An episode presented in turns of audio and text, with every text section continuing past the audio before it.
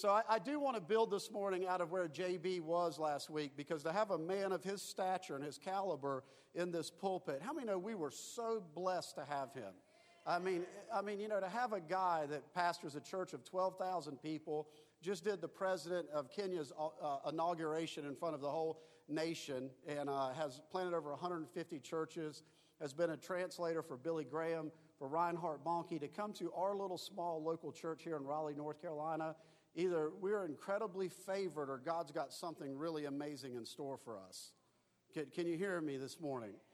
And so to have a man of his caliber and magnitude in our pulpit and not seize the moment and capitalize it. Now, you have to understand something. JB's been at this for years, and the level of faith that he lives in is like so far beyond me, the leaders of this team, this local church. It's like to be able to accomplish the things that he has done in God's, in God's kingdom there is a measure of stature and faith that I, can humbly say I don't even begin to fill those shoes, and it's like have, haven't even begun to obtain to that level. But when he began to speak, and every time he speaks in our congregation, how many feel the law of lift starting to happen in the atmosphere? Come on, uh, come on, I can't hear you. I said, how many feel the law of lift beginning to happen? And what's amazing is he's so committed to continue to come back. He's already planning on coming back next year because he believes in this house and the deposit that's in it. So we want to make sure that we take full advantage of what he imparts to us and what he releases. These aren't just messages, this is a life impartation. So this morning, I want to just talk to you a little bit about faith. And I know these are things that we're very familiar with. That we, many of us that have been around charismatic movement, spirit filled life for a long time, it's like we understand these things, but I want it to go beyond our understanding and I want it to come alive again in our spirit. It's like I don't want it just to hit our intellect, but I want it to be in our spirit and, and live in us in such a way that faith begins to have a physical expression and a physical manifestation. How many know that when faith, faith finds an expression? Can I, can I get an amen to that? Faith finds an expression. When those men, those four men tore the roof of the house off and they lowered that man down to Jesus that was paralyzed, their faith had an expression. The woman that passed through the crowds of the issue of blood and was persistent to touch the hem of Jesus' garment, her faith had an expression in her persistence and her pressing in beyond where the crowds were pressing and touching. And so we need to be a people that has a, an expression upon our faith. And how many know when you look at something that's dead, it's just dead? Isn't that right? When you see a dead church, it's a dead church. When you see a dead person, it's, it's, it's a dead, it's just, it's a corpse. It's just laying there. There's no life that's living in it. And the way that you can measure things when you look at the saints is the life of God that's living in them. I, I, wish I could say that I've gotten this perfect all, all, the years. I wish I could tell you that I was the man of faith and power for the hour in every situation. But I tell you what, I've lived in the struggles of life just like you and I have. I've lived in good times, I've lived in bad times. I've lived in moments where I felt like I was victorious and I could take the mountain, I could take the entire territory. But there's other times that I, have faced defeat and discouragement, and those things have tried to, to take me over and to grip me and to like keep me paralyzed. But somehow we, we have to shake the grave clothes off sometimes. Come on, can you hear me in this place? We have to shake the grave clothes off and go, we're not defined by a season, we're not defined by a moment, and we're not dead, and we serve a living God. Are you hearing me in this place? And so we need to, we need to have an expression.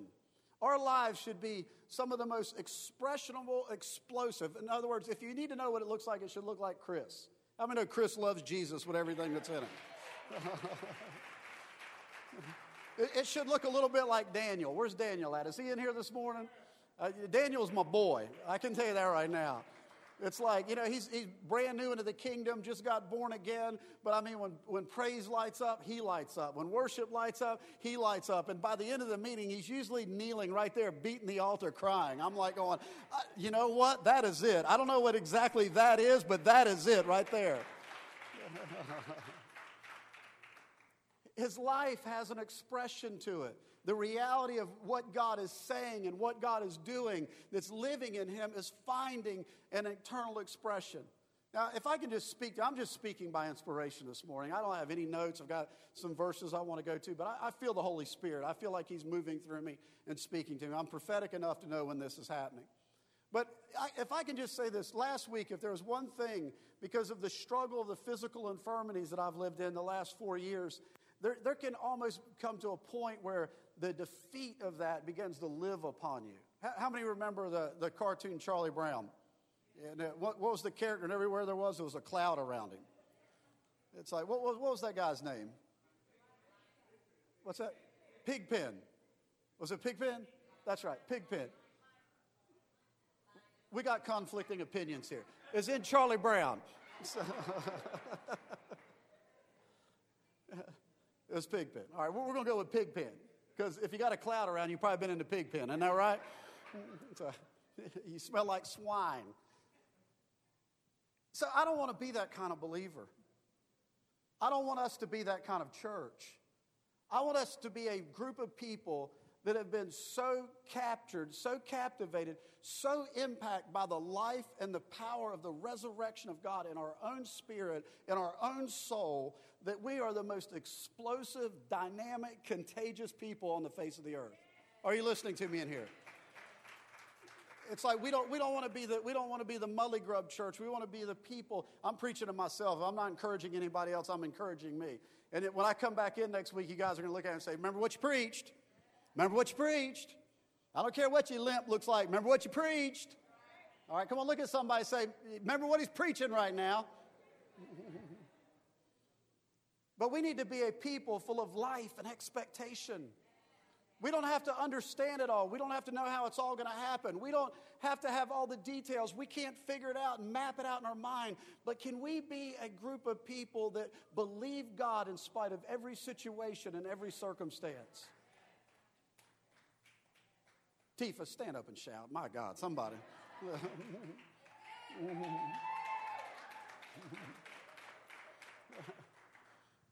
So we need to be full of the life of God. I want to turn, turn your Bibles to Hebrews chapter 3, verse 7. This is what the Spirit of the Lord was speaking to me about this morning. And I want to just read through these passages of scriptures and I want to just speak out of them. Hebrews chapter 3, verse 7. Get ready, we're going to take off. Therefore, as the Holy Spirit says, today if you will hear his voice, do not harden your hearts as in the rebellion in the day of trial in the wilderness, where your fathers tested me and saw my works for 40 years. Therefore, I was angry with that generation and said, They always go astray in their heart, and they have not known my ways. So I swore in my wrath that they shall not enter my rest. Beware, brethren, lest there be any of you in the evil heart of unbelief. Can you just say this with me? A heart of unbelief is an evil heart. Okay? So he says, but exhort one another. Come on, how many have the gift of exhortation in here? Okay, this is what we're going to do to each other. We need texts that go on like this. We need to exhort. I love a text from the Jones girls.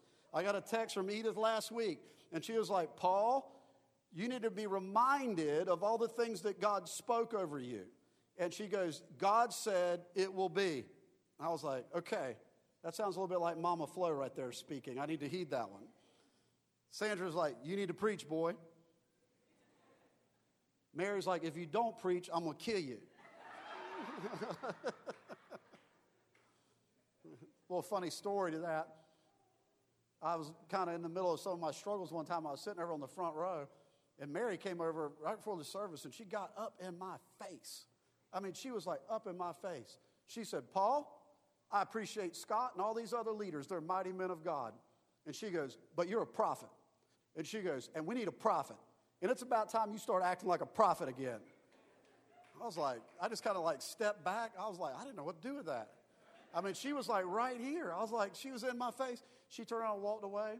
And I don't know what happened in the meeting, but it, we turned out having an explosive meeting. People were at the front broken and crying at the end of the meeting. And somehow I got involved with the meeting.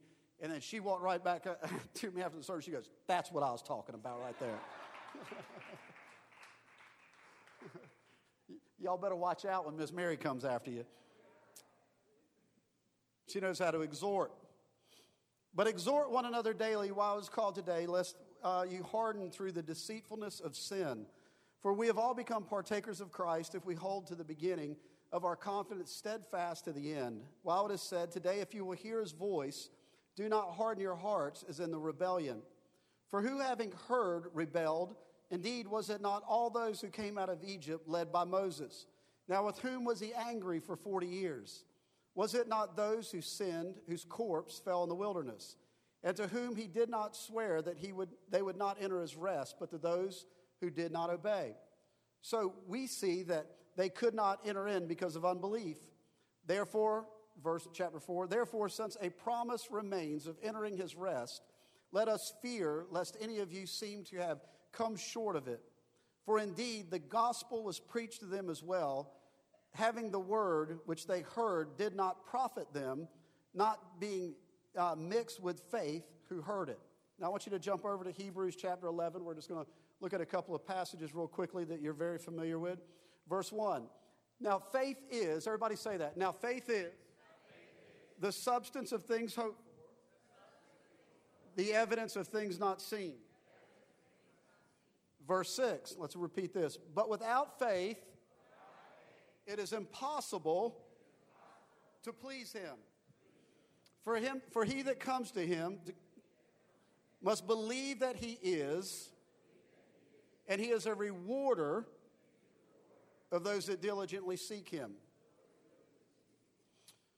Now, this morning, we know the, the passage, you know, faith is the substance of things hoped for, the evidence of things not yet seen. So, in other words, whenever we hear a word from God and we receive something from God, it's like having the title before the, the thing literally makes, makes itself known. It's like having the title to a car and you're just waiting on the delivery of the car.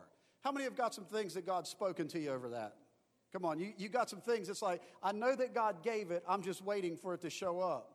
Now, listen to this. He says, But we must first believe that He is and a rewarder of those that diligently seek Him. Can I just ask you a question? How many of us really believe that He is who He says He is? Are you listening to me? How many of us really believe He is who He says He is? This is what we get in trouble with David Hay all the time. It's like if you could just see him and if you could just believe him, if you could just see him and you could just believe him, it's like you squeeze David and it just keeps coming out over and over and over. But we have to stop and ask ourselves when we're in the middle of a place of unbelief do we really see him and do we really believe him? Are you listening to me? Do you believe that he is a rewarder of those that diligently seek him? Tom preached a wonderful message to us about being faint at heart. And sometimes I think we get faint at heart because we diligently seek him and when we seek Him, these things don't always materialize and manifest in a time frame or the way that we, we think they should. And so we become faint hearted. But I want to be a person that diligently seeks Him all the way to the end. I want to believe that He is who He says He is and that He is a rewarder of those that diligently seek Him. Now, come on, just throw your hands up in the air right now. Come on, just say, Lord, help my unbelief. Come on, say it again. Lord, help my unbelief. Come on, say this say, Lord, help me believe you are who you say you are, and you are a rewarder of those that diligently seek you. So we have to believe these things. We have to believe them down deep inside of our knower. Like Jason said, it's not gravity, it's the lift. It doesn't matter what the situation is, the circumstances are. Listen to me. I'm speaking and prophesying to somebody in this meeting right now. You need to believe God in spite of your situation and your circumstances. You need to believe God and His promises beyond everything that's going on around you because there's got to be somebody in this generation that's going to believe that God is who He says He is and He is a rewarder of those that diligently seek Him. Persistence, diligence, contending, grappling, fighting, plowing, going after things. Come on, is that not who we want to be? All the way until we draw our last breath, we're looking for the promises of God. We're looking for the prophetic words to come to pass. We're looking for the things that we've seen dimly, but we know they're clear. And if we can get into the full manifestation of it, we are going to fully comprehend and understand. We got to diligently seek him. So listen, going back to chapter 3, verse 1, it says, Therefore, as he, as the Holy Spirit says, today will you hear his voice. Now I want to just say something this morning that man doesn't live by bread alone, but every word that proceeds from the mouth of God. Are you listening to me? Your life substance isn't based on the money you make, the food you eat, the material things you possess. Your life substance is held together by hearing the voice of God. Are you listening to me? Hearing the voice of God. If I can just, just keep declaring this in the atmosphere, because if there's one thing the church has lost is its ability to hear the voice of God. We live in a pragmatic church age where we live out of principles and, and we live out of the scriptures, and we should do all those things and we should apply them to our life. But there's something that supersedes all of that. Not that we supersede the scriptures, but we've got to hear the rhema, the living word of God. We've got to have the God breathed, the God inspired. We've got to know what He's saying and hear what He's doing. Are you listening to me? We need, we need to hear the living word again. And so he says this. He said, Today, if you hear his voice, come on, shout it out. Let me hear your voice today. Come on, say it strong. Let me hear your voice today. Come on, let me hear it like you really want to hear his voice today. Shout it out. Let me hear your voice today. Come on, somebody needs to stand their feet like your life depends. If I don't hear the voice of God, I don't have another solution. I don't have another situation. I've got to hear His voice. Come on, shout it out. Let me hear your voice today.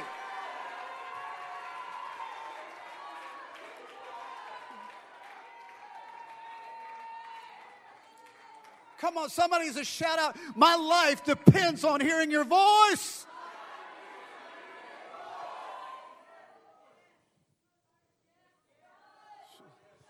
Come on, come on. Somebody say, My lift is in hearing your voice.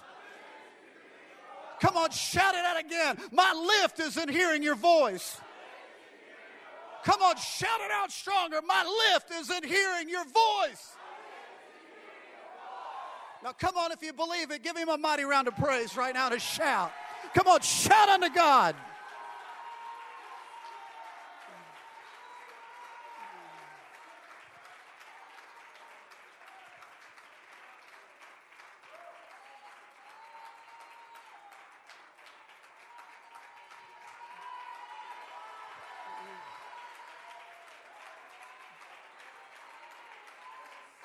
Come on, this is your meeting. You'll get out of it what you put into it. Come on, I said, this is your meeting. You'll get out of it what you put into it.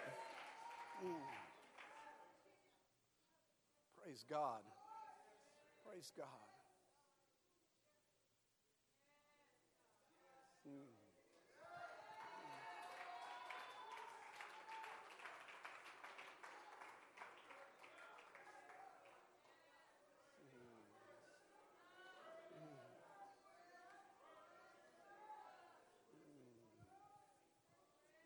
Praise God. You can be seated. I like that. Your lift is in hearing his voice. It's like hearing it come over the radio. Fasten your seatbelt. We're getting ready to take off. The captain is speaking. So he says, You got to hear his voice. We got to hear his voice. We got to hear his voice. We got to hear his voice. I just could keep echoing that in the atmosphere of this church and in this nation. It's like, where's the voice of God? In the days of Samuel, the word of the Lord had grown rare and, and the, the light was growing dim inside the temple. There was no divine illumination. And when you look across the landscape of Christianity, you're looking for who's going to have the voice again? Who's going to have met with God and God has spoken to them? And when they show up on the scene, they're not going to show up because they were some great person, but they may show up from the backside of the desert or the wilderness and they've got something to say that nobody else says because they've heard the voice of God. So we need to hear the voice again. And not just as apostles and prophets and pastors and teachers and evangelists, but as everyday lay people. You can't live by principle alone. You've got to hear the voice of God. I'm going to say that again. You have got to hear the voice of God. Every one of you. Listen to me. Are you a son and a daughter? Are you a son and a daughter? Do you have a daddy that wants to talk to you? Do you believe that? Do you believe? I know this is simple in its most simplistic form, But do you believe that you have a daddy, a father in heaven? You're a son and a daughter, and who you are and what you do is important to him, and he wants to talk to you about it. What kind of father would I be if Alex and Paige came in my room and said, Dad, I don't understand where I'm going or what I'm doing? Uh, I'm in all these struggles. I, I don't know. What, uh, well, just go away. Go, shut the door. I, am too busy. ESPN's on right now. So I'm, I'm too preoccupied. No. As a father, I want to get right down in the middle of the struggle and say, let's hear God together. This is what I believe He's saying and doing and how He's working in your life right now. And if we could just get through it to the other side, we're going to see God's faithfulness and His promises come to pass. So He says, you got to hear His voice. You got to hear His voice. Come on, say it with me one more time. You got to hear His voice. So, hearing the voice of God is critical. As a prophetic person, I don't know how to live out of principle. I've got to live out of the voice of God. I want to say that. We get in meetings all the time. I don't have a clue of knowing what to do. But when God speaks, I know exactly what to do. Are you listening to me? Isn't that how Jesus walked with the Father? He said, I only do what I see the Father doing. They were living in this constant state of communion and dialogue. And as he was hearing the Father's voice, he was acting upon it, and things began to happen and things began to materialize that were supernatural, that were beyond principle and anything this earthly realm could manifest. But it came out of the simplicity of hearing God's voice. Now, I believe that God wants to speak to everybody in here. Let me ask you a question. How many in here have heard God before? Just slip your hands up. Okay? Listen to me. That is the most important thing that could ever happen in your life. When I first heard the voice of God, I realized He's trying to in- initiate a relationship with me, and He wants to talk to me, and He wants to bring me to a, into an interaction with Him, not just for fellowship, but for purpose as well. Now, I believe everybody in here should have a life word. You can have many words. You can have prophetic words. You can have words of exhortation. You can have different words that help strengthen you in different seasons. But I believe everybody in here should have a life word. What do I mean by that? When I was a young man, the word was very clear I've called you to be a prophet to the nations. So I'll do a lot of things, and there's a lot of other things that have been prophesied. But the end result is prophet to the nations. When JB was a young man, there was a guy that came up and handed him a Bible. And he said, Brother JB, the Spirit of the Lord told me to tell you that everything in your life will come out of this right here your, your wife, your children, your churches, your calling, your finances, everything. If you'll devote yourself to this right here, everything in your life will come out of it. So when he stands up here and says, I'm a Bible teacher, he responded to the word that was given to him. And now, when you walk into his congregation and there's 12,000 people, how many understand you just touched that life word that was given to him when there was nobody? Are you listening? When you walk into the 150 churches he's working with, you just walked into to the life word that was given to him. When you touch his family, you walked into the life word. Now, I understand we're talking about a major leader in the kingdom, but my mom had a life word. In the middle of her life. Let me just let me just read this to you. Isaiah chapter 61. This was a life word that was given to my mother by the Spirit of God. Verse 4. And they shall rebuild, Isaiah 61, verse 4. And they shall rebuild the old ruins, and they shall raise up the former desolations, and they shall repair the ruined cities and the desolations of many generations. You can look at it up here. Let's read it again. They will rebuild the ancient ruins, the repaired cities destroyed long ago, and they will revive them though they had been deserted for many generations. So that became a life word that was given to my mother, and she'd put it on the refrigerator, and next to that was my name. Next to that was my brother's name. Next to that was my sister's name. And then when everybody started getting born again, she just started checking off the names. Are you listening to me? So she didn't look at the situations or the circumstances, but she looked at the life word that God gave her and she applied it to the situation or the circumstance. Let me ask you this. If you've got a family that's full of broken and, and ruin and distraught, rather than looking for principles to come and sort it out this, at this point, why not say, God, could you not give me a word about my family situation? Could you give me a word about my family situation? And then when you receive the word, you receive the person of Christ and you begin to contend until you see it come to pass. Are you listening to me? I believe that He is and a rewarder of those that diligently seek Him. So your faith is going to come out of having a lot, out of a word. Come on, say this. My faith is going to come out of having a word. Come on, say this. I need to hear the voice of God. Come on, say it again. I need to hear the voice of God. So we're going to I want you to look at this. So basically there was three things in Hebrews chapter 3. He said you got to hear the voice, okay? You can't harden your heart. You've got to be obedient and you've got to mix it with faith. So listen to this. So you have to have a faith, you have to have a life word or a prophetic word. You have to hear the voice of God, okay? Then you have to walk out in obedience and you have to mix it with faith. Faith is the substance of things hoped for, the evidence of things not yet seen. Now, I believe this with all my heart this morning. Faith and obedience go hand in hand. Are you listening? If you don't have faith and you have a heart of unbelief and you don't believe what God has said is true, you'll never be obedient. The Bible says without a vision, people cast off restraint. They, they cast off all discipline, they cast off all restraint. Well, if I don't have a prophetic purpose or a prophetic destiny, why don't I just go live my life however I want to live it, do whatever I want to do with it? Because I don't believe that He is and a rewarder of those who diligently seek Him.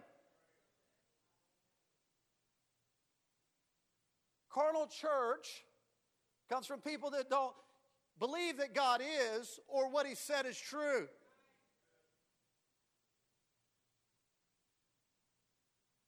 But faith is the substance of things hoped for, the evidence of things not yet seen. Listen to me. Faith is the substance of things hoped for, the evidence of things not yet seen. Paul, how are we going to get there? I don't know. How are we going to become an apostolic base that's going to go to the nations? I don't know. But I know this if he spoke it, we'll believe it.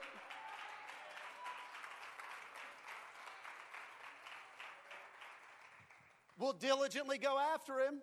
He's not a man that he should lie. Come on, he's not a man that he should lie. Come on, I'm going to say it again. He's not a man that he should lie.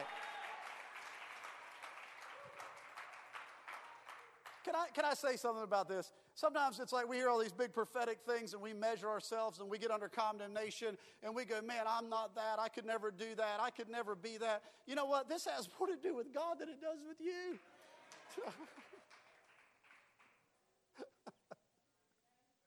Are you listening to me? This has more to do with God than it has to do with you. He likes to take the simple things and the foolish things to confound the wise. He likes to take people from low situations, put them in high situations, and says, Look what I can do.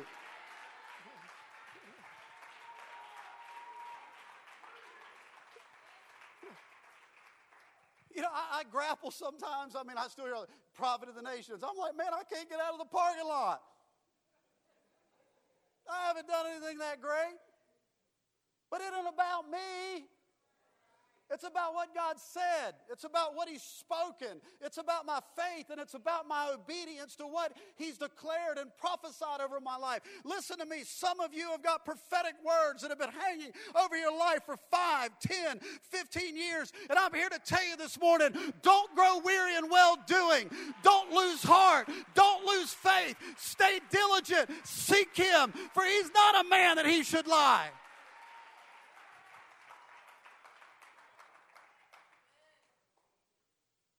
Faith is the substance of things hoped for, the evidence of things not seen. Come on, this isn't a message where it's hitting you in your mind. This is a message that needs to hit you in your spirit. I said, this isn't a message that needs to hit you in your mind. It needs to hit you in your spirit, where your expectation begins to grow again, where the life of God begins to come back in you, and Lazarus begins to take off his grave clothes.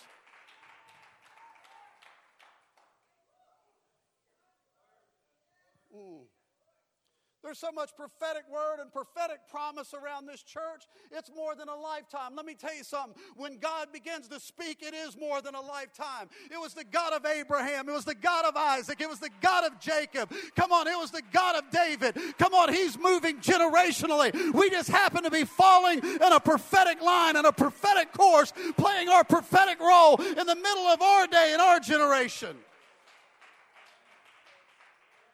The things we're contending for in this room are beyond our life, beyond our years, beyond our sons and daughters. But if we'll be faithful, there will be not only a move of God in our generation, but into the second and into the third generations. And great exploits will our sons and daughters do. Great miracles will our sons and daughters do. Great things will our grandchildren do because they know their God.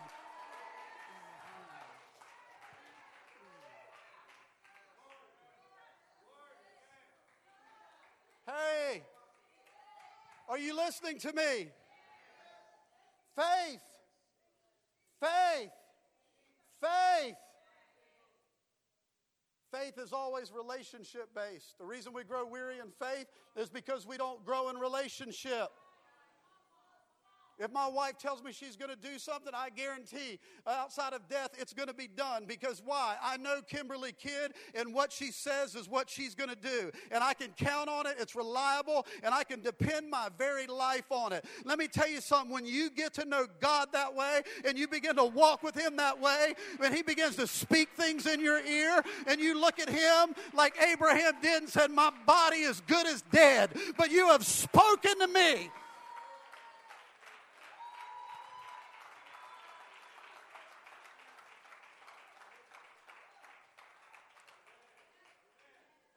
Reason the children of Israel didn't have faith is because they didn't grow as sons and daughters and grow in a relationship. They saw God as a deliverer and as a judge, but they never entered into the relationship that Moses had and Joshua had. And so, therefore, they never entered in. They fell short. Why? Because they saw God as a mechanical thing in the sky, but they never knew Him as a daddy that was trying to bring them into a promise and into an inheritance. Listen to me. You've got to know Him as dad. You've got to know Him as father. You got to know that the things that He's speaking over you is has your good in it and it has His purposes in mind. It comes out of a relationship. You got to spend time. You've got to interact. You got to have fellowship. You got to have prayer. You got to have conversation. You got to have worship. Come on. He's not some figment of our imagination up in some mystical cloud. He's here. He's living. He's walking. He's breathing. He's talking. He's communicating. He's got a family. He loves his kids. He wants his kids to grow in relationship so they can grow in faith. Grow in faith. Isn't it amazing when miracles break into your life? First two miracles I had in my life had nothing to do with my faith. Had everything to do with the faith of my mother. Nothing. I was faithless. Actually, it was the first three, because the first one, my mom said, What would it take to change your life? I said, If I just had a good girl. She said, Well, let's pray and ask God for one. I was like, Ask God? I'm not even saved. She's like, Oh, come on, honey, we're going to ask God. I was like, I, I, Mom, come, this is a joke. This is not, this is not real. And she's like, no, no, no, we're, we're going to ask, we're going to ask God. We're going to ask God. I was like, Mom, I cannot do this. She said, come on, honey, get down on your knees at the end of the bed. I mean, I'm, listen to me. I'm snorting cocaine on the weekends, going to bars, smoking weed. I mean, and my mom's pulling me down on my hands and knees. Now, there was enough prophetic DNA in me, even as a backslider, to know that this ain't right. the gift and callings are without repentance. And I was like, I know I'm not right. I'm not trying to convince anybody that I am. And she's like, Come on, honey, we're, we're, we're going to pray. We're, we're, we're going to pray. And I'm like, uh, Mom, come on, come on. She's like, come on. She gets me down on my hands and knees. She goes, say, Lord. I go, Lord. I'm laughing. I'm like, Sarah, I'm laughing. I'm like, Lord. She goes, give me a good girl. I was like, uh, give me a good girl. Amen. Amen. Can I go smoke another joint now? A week later, Kim comes into my life. And she didn't walk in a church door, she walked into a party. We wouldn't disciple anybody into this stuff. It was way outside of principle or anything that I would, as a pastor, advise. Your, your daughter is with who? Flee. Actually, two years later, my mom looked at her and said, Honey, I know what he's going to be, but I don't know what he's got to go through to get there. So in the meantime, leave him. She said, Just leave him. I was like, Mama, you prayed her in, now you're telling her to go. I'm like, Which is it? Remember, it has absolutely nothing to do with us, but everything to do with Him. The first three things that happened in my life that were God, divinely God, it had nothing to do with my faith. Nothing. When God showed up in Egypt, it had nothing to do with their faith. You know what a miracle is? It's introducing you into who He is. He's breaking into our world. My brother in law walked in my office one time and he looked at me and he said, I said, What's bothering you? He goes, I can't sell my house. I can't sell my house. He goes, I can't move it. I goes, I've got this house. I got to move for business. I'm all stressed out. The housing market's collapsed. I cannot move this house. I cannot move it. And I said, Well, let me ask you something. If God sold your house, would you do something for him? He goes, What do you mean? I said, Well, God doesn't want you to think He's a Santa Claus in the sky that you can just pull a chain every now and then. He's going to do something for you. I said, When He does something for you, He's introducing you or bringing you into a relationship so that you can begin to walk with Him and you can interact with Him and you can begin to become part of, of, of His team and work with Him. And I said, So let me ask you this if God sold your house, would you do something like give an offering? He goes, Yeah, I would do that. And he goes, What, what do you mean? I said, Well, you know, to the poor and needy or something like that. He goes, Sure. He goes, I'll give to a children's home. I said, All right. So I looked at him and I said, We're going to pray. I prayed. I said, Shut my office door. This wasn't in church, this was in our company. I said, Shut the door. Shut the door and I said, Lord, I ask that you would move this house, you would sell it, and it would be a sign and a wonder to my brother in law that you're a God in heaven and you're interested in a relationship with him. And I said, And when it comes to pass, let it reveal who you are to him. Amen. Said, he looked at me, his phone rang. I'm telling you, this is all within one second. It was his wife on the other end of the line. And he just sat there frozen and he goes, I'm speechless. He hung up the phone and he looked at me and he goes, You're not going to believe it. After all this time, somebody just called and put an offering on my house.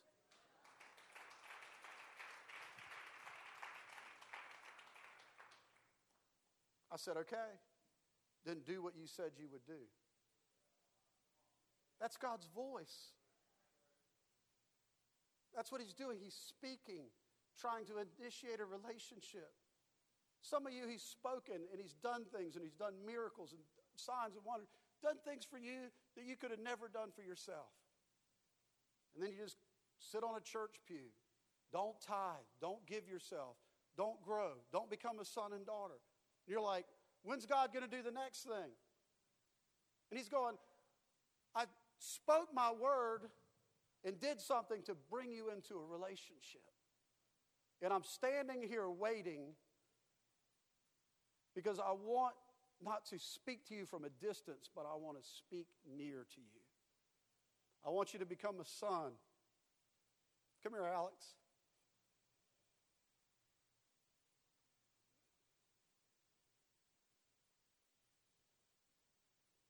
Put your arm around me. I want you to become a son. I want you to be in a yoke with me. I want you just to surrender and not resist it, but just walk with me. And as a son, you'll be so near, not only to my heart, but to my voice, that I can just speak into your ear what I'm saying and what I'm doing. And this can become a common way of life where faith is not obtainable, but it's working and living in a real relationship and a joining that I brought you into.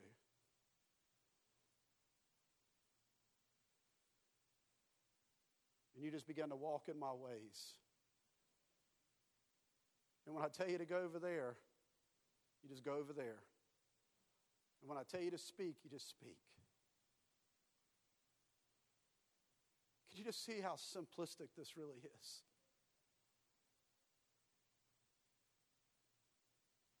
It's a living relationship.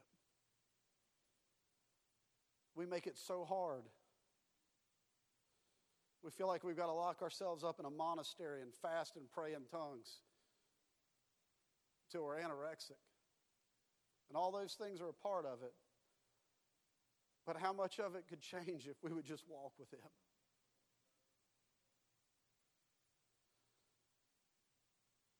Just be with Him. Maybe he doesn't want to talk about what he wants you to do. Maybe he wants to talk about who we are together.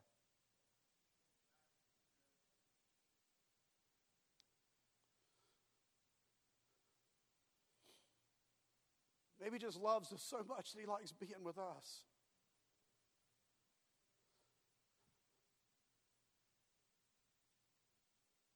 That being together is more important than what we do. But every now and then he says, But go now. I got something else for you to do.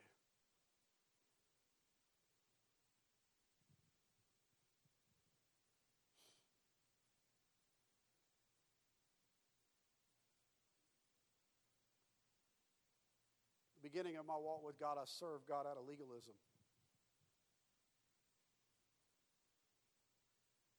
I was so full of rebellion and dysfunction, I needed a good season of legalism.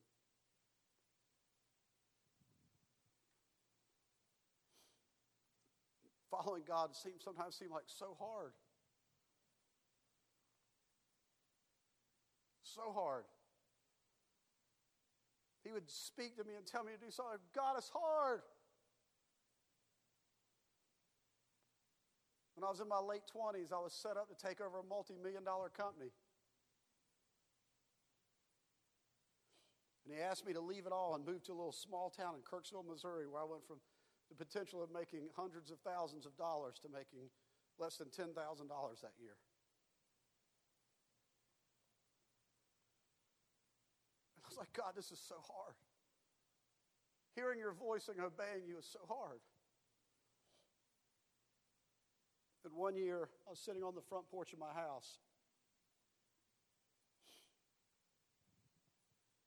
And I heard the Father's voice.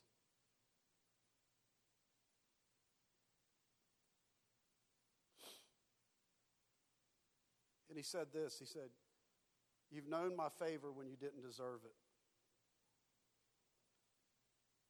And he said, But now I'm about to show you my favor based on my pleasure.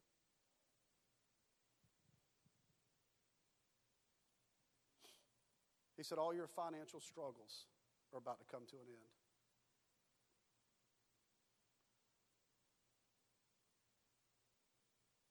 And I don't know about you, but when I heard that, I fell on my face on the front porch of my house, and the level of humility and brokenness that came over me to hear from a heavenly father like that shook me to the core.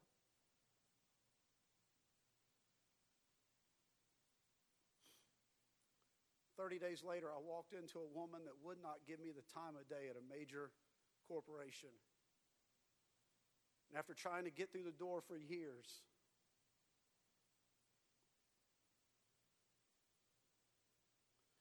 She finally let me in. I walked in the door. I sat in her office, and I ended up there at 7 o'clock at night. And after wrestling with this lady, she started telling me, I have a terminally ill disease. I'm dying one day at a time. I turned around and looked at her and I said, Let me tell you who I am. I'm a minister of the gospel. And I, can I pray for you? And she said, Please do. I started praying for her, and she just began to weep and cry as the presence of God fell on her. 30 days later, that lady opened me up to a business deal that gave me back all the money that I would have made 10 years prior.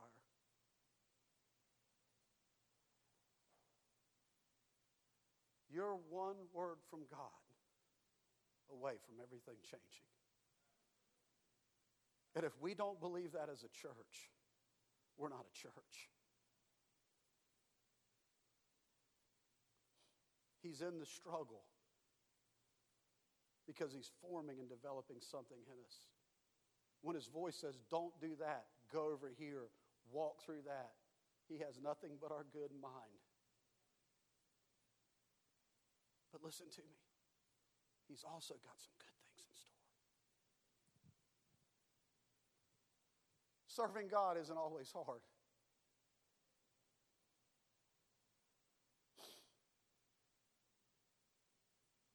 Sometimes he just wants to show you how much he loves you.